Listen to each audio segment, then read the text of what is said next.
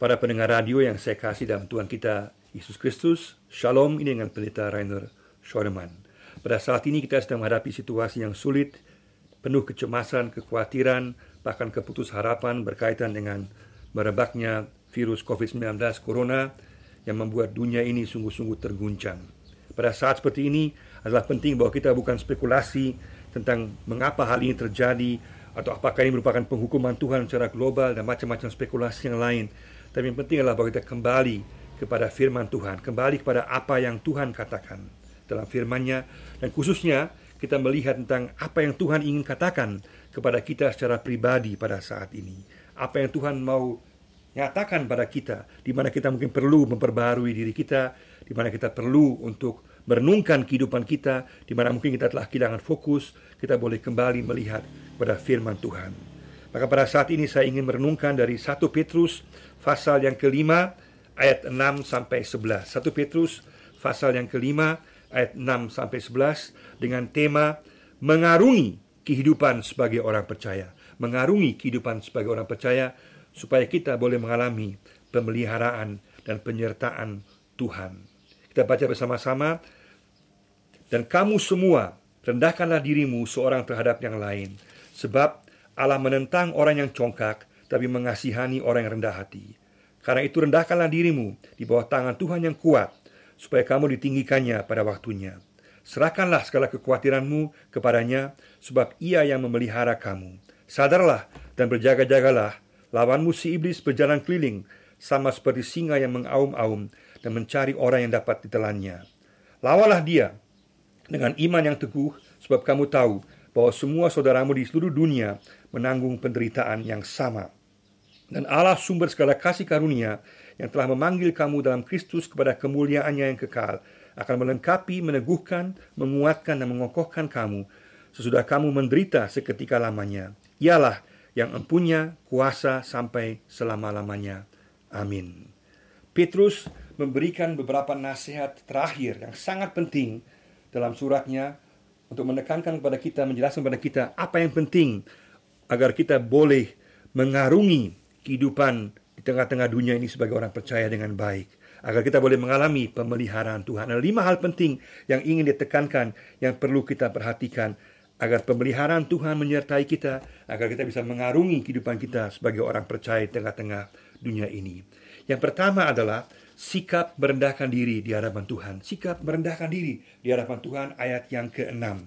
Petrus dengan tegas mengatakan bahwa yang paling utama dalam kehidupan orang percaya adalah selalu merendahkan diri di hadapan Tuhan. Berarti kita mengakui bahwa bukan kehendak kita yang jadi, tapi kehendak Tuhan yang jadi. Bukan kemauan kita yang terjadi, tapi kemauan Tuhan. Bahwa kita sungguh-sungguh mengakui bahwa kita membutuhkan Dia. Dan Yesus juga, Yesus juga katakan dalam Matius 5 ayat 3 bahwa hanya orang yang miskin di hadapan Allah, hanya orang yang mengakui Allah, yang mengakui bahwa ia bergantung kepada Allah, hanya dialah yang empunya kerajaan surga. Maka merendahkan diri di hadapan Tuhan adalah hal yang paling utama agar kita boleh mengarungi kehidupan kita sebagai orang percaya di tengah-tengah dunia ini. Itu berarti di tengah-tengah kita tidak mengerti sesuatu, di tengah-tengah kita tidak memahami sesuatu, kita boleh tahu bahwa Tuhan yang tahu bahwa kehendak Tuhan baik untuk kita. Pada saat kita mungkin merasa cemas, kita merasa takut, kita boleh tahu bahwa Tuhan yang memimpin dan menyertai kita, kita bahwa firman-Nya yang menentukan bukan kehendak kita.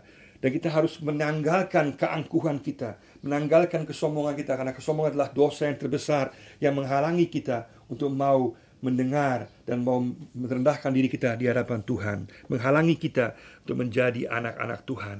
Maka saat ini kita harus sungguh-sungguh kembali untuk mendengar dan merendahkan diri di hadapan Tuhan. Dan tangan Tuhan digambarkan di sini adalah tangan Tuhan yang kuat. Apa artinya? Tangan Tuhan yang menolong kita, yang yang menolong kita, yang menyelamatkan kita, yang memberi kepada kita kecukupan, yang mengangkat kita dan juga yang memberikan atau menunjuk jalan hidup kepada kita. Tangannya bukan tangan yang menindas, tapi tangan yang memberkati kita, yang menolong, yang memberi kecukupan, yang menyelamatkan kita, mengangkat kita, dan juga menunjuk arah kehidupan.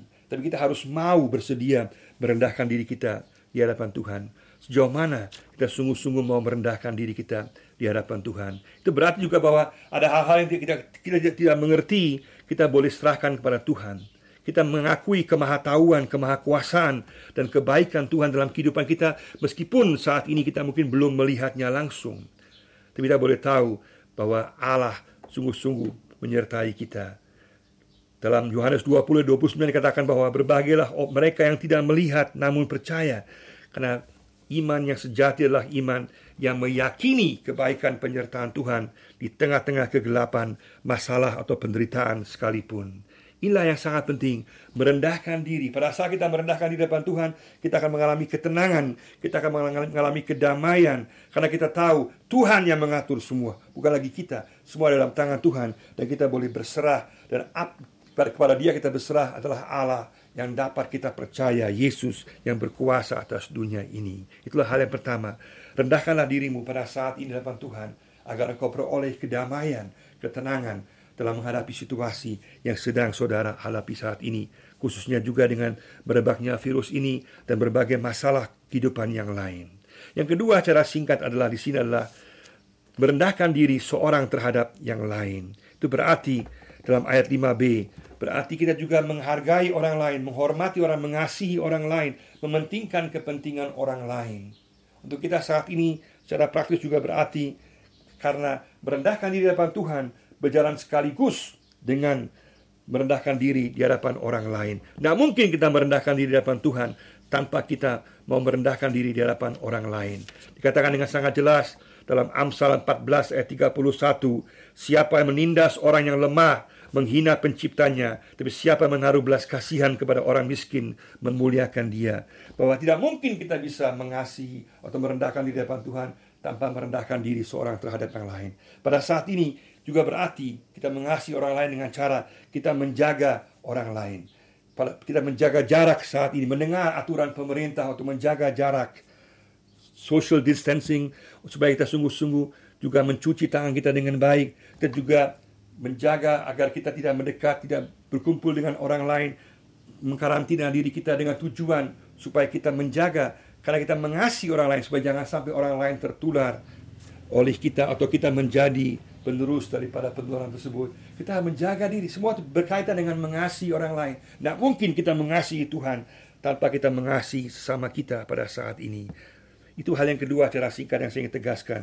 Yang, ke, yang ketiga adalah di sini adalah yang ketiga adalah serahkanlah kekhawatiranmu kepada Tuhan. Serahkanlah segala kekhawatiranmu hanya kepada Tuhan ayat 7. Adalah sangat penting bahwa di saat ini juga kita tahu kita semua orang akan khawatir Petrus katakan semua manusia akan khawatir. Masalah dasar manusia lah dia khawatir. Khawatir kehidupan, khawatir pekerjaan, khawatir masa depan. Semuanya khawatir. Dalam Alkitab 600 kali kata takut muncul. Karena memang dasarnya manusia penakut dan penuh dengan kekhawatiran.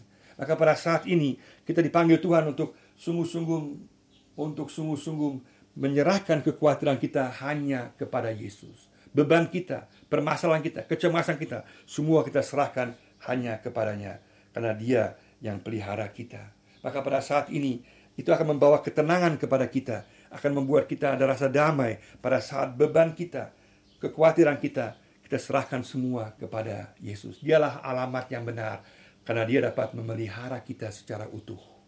Baik kehidupan sekarang maupun kekal selama-lamanya. Yang masalah adalah kalau kita berusaha untuk menyelesaikan masalah sendiri atau kita malah memanggil kuasa-kuasa lain meminta bantuan kuasa-kuasa lain. Saya bahkan telah melihat kemarin di televisi, ada yang sekarang mulai memakai cara-cara lain, memanggil roh-roh lain yang dianggap bisa mengusir COVID-19 ini, bahkan mulai bekerja sama dengan kuasa-kuasa yang lain, kuasa-kuasa kegelapan, yang malah akan membawa kita kepada rasa tidak nyaman, malah semakin khawatir, semakin bermasalah. Serahkanlah kekhawatiranmu hanya kepada Yesus Jangan salah alamat. Pada saat kita melepaskan beban kepada Yesus, itu akan membuat kita menjadi tenang, ada damai Tuhan. Karena kita tahu Tuhan yang berkuasa, Tuhan yang akan bertindak, Tuhan yang penuh kasih, tangan kebaikannya, tangan keselamatannya, tangan pertolongannya, tangan yang memberi secara cukup, tangan yang juga memberikan arah hidup kita. Semua itu menyertai kita. Dengan demikian kita boleh menyerahkan kekhawatiran kita hanya kepadanya. Yang keempat cara singkat adalah kita sadar berjaga dan melawan pencobaan iblis dengan kuasa firman Tuhan ayat 8 dan 9. Kita sungguh-sungguh boleh melawan kuasa iblis, pencobaan iblis. Kenapa? Karena semua orang percaya, semua akan mengalami penderitaan yang sama, dicobai oleh iblis. Dan jenis pencobaan iblis berbeda-beda. Iblis tahu persis kelemahan kita. Sama seperti singa yang tahu persis kelemahan daripada buruannya. Iblis tahu di mana letak kelemahan kita. Dia akan menyerang kita pada saat kita lemah, pada saat kita sendiri, pada saat kita cemas, kita takut, kita kita mulai meragukan Tuhan, kita malah malah mulai mulai mempertanyakan Tuhan. Iblis akan mencobai kita supaya kita menyangkal Tuhan, supaya kita meninggalkan Tuhan. Itulah cara iblis pada saat ini. Pada saat iblis mencobai kita di titik-titik lemah kita masing-masing dan semua kita tahu di mana kita lemah. Itulah tempat di mana iblis akan menyerang kita. Itu hanya dapat kita lawan dengan melawan dengan kuasa firman Tuhan. Jangan coba melawan sendiri. Pernah seorang anak kecil di, di sekolah minggu ditanya gurunya, "Anak, apa yang kamu buat kalau iblis melawan kamu, mencobai kamu?" Anak kecil ini menjawab, "Saya suruh Yesus yang maju." Kalau Yesus maju, iblis tampias. Kalau saya maju, saya yang tampias. Maka sangat penting bahwa kita sungguh-sungguh melawan iblis dengan kuasa firman Tuhan. Semua pikiran kecemasan, semua pikiran ketakutan, kekhawatiran saat ini, kita sungguh-sungguh serahkan kepada Tuhan. Kita lawan dengan firman Tuhan. Dan khususnya kita lihat sama-sama juga di sini dalam bagian yang kelima, yaitu dah janji, janji penyertaan Tuhan ada janji atau meyakini janji penyertaan dan kuasa Tuhan. Ayat 9 dan 11. Apa janjinya? Bahwa sumber kasih karunia-Nya akan menyertai kita, akan mengokohkan kita, menguatkan kita, menyertai kita. Yesus tidak Allah tidak membiarkan kita sendiri. Dia akan menyertai kita di tengah-tengah situasi kekhawatiran, di tengah-tengah situasi pencobaan. Kita tidak sendiri. Kita boleh mengandalkan sumber kasih karunia-Nya, kekuatannya, kuasanya yang akan menyertai kita. Tapi itu hanya mungkin kalau kita merendahkan diri kita di hadapan Tuhan. Kalau kita menyerahkan diri kita kepadanya dan kita sungguh-sungguh memakai kuasa firman Tuhan untuk melawan pencobaan iblis yang mencobai kita di tengah-tengah kehidupan saat ini, juga kekhawatiran, kecemasan, permasalahan kita hadapi saat ini. Mari sama-sama kita pada saat ini kita sungguh-sungguh memegang teguh janji penyertaan Yesus yang mengatakan bahwa Dia dengan sumber kasih karunia-Nya akan menyertai kita, membawa kita kepada kemuliaannya. Apa pun yang terjadi, Tuhan akan bersama-sama dengan kita. Badai pasti berlalu bersama-sama dengan Yesus. Badai yang sebesar apa pun akan berlalu bersama Yesus asal kita memandang kepada Dia, mendengar suaranya, mendengar janjinya, memegang teguh janjinya. Kita merendahkan diri kita di hadapan Tuhan. Kita sungguh-sungguh juga menyerahkan kekuatan kita kepadanya dan kita juga melawan pencobaan iblis dengan kuasa firman Tuhan, memegang teguh janjinya bahwa dia menyertai kita dengan sumber kasih karunia-Nya yang melimpah atas kita, yang mau menaungi kita, menguatkan kita, menolong kita. Pertanyaannya adalah, apakah kita bersedia? Bersediakah kita merendahkan diri kita di hadapan Tuhan, di hadapan orang lain, menyerahkan kekuatan kita kepadanya, semuanya bersedia untuk melawan pencobaan iblis dengan kuasa firman Tuhan. Seperti dikatakan juga dalam Yakobus 4 ayat 7. Tunduklah kepada Allah. Tunduklah kepada Tuhan. Lawalah iblis, maka dia lari daripadamu. Hanya dengan kuasa firman Tuhan, iblis dapat lari, bukan karena kuasa kita sendiri. Dan terakhir, memegang teguh janji penyertaan Yesus. Janji janji Yesus yang pasti bahwa dia kuasanya menyertai kita, sumber kasih karunia-Nya menaungi kita, menguatkan, mengokohkan kita sehingga dengan demikian kita akan mengalami pemeliharaan Tuhan, penyertaan Tuhan, dan kita akan mengarungi kehidupan kita sebagai orang percaya di tengah-tengah dunia ini. Maukah kita merendahkan diri kita di hadapannya? Menyerahkan kekuatan kita hanya kepadanya. Kita sungguh-sungguh mau melawan pencobaan iblis dengan kuasa firman Tuhan dan terus memegang teguh janji penyertaannya. Maka dia akan menyertai dan memelihara kita Tuhan memberkati kita semua. Amin.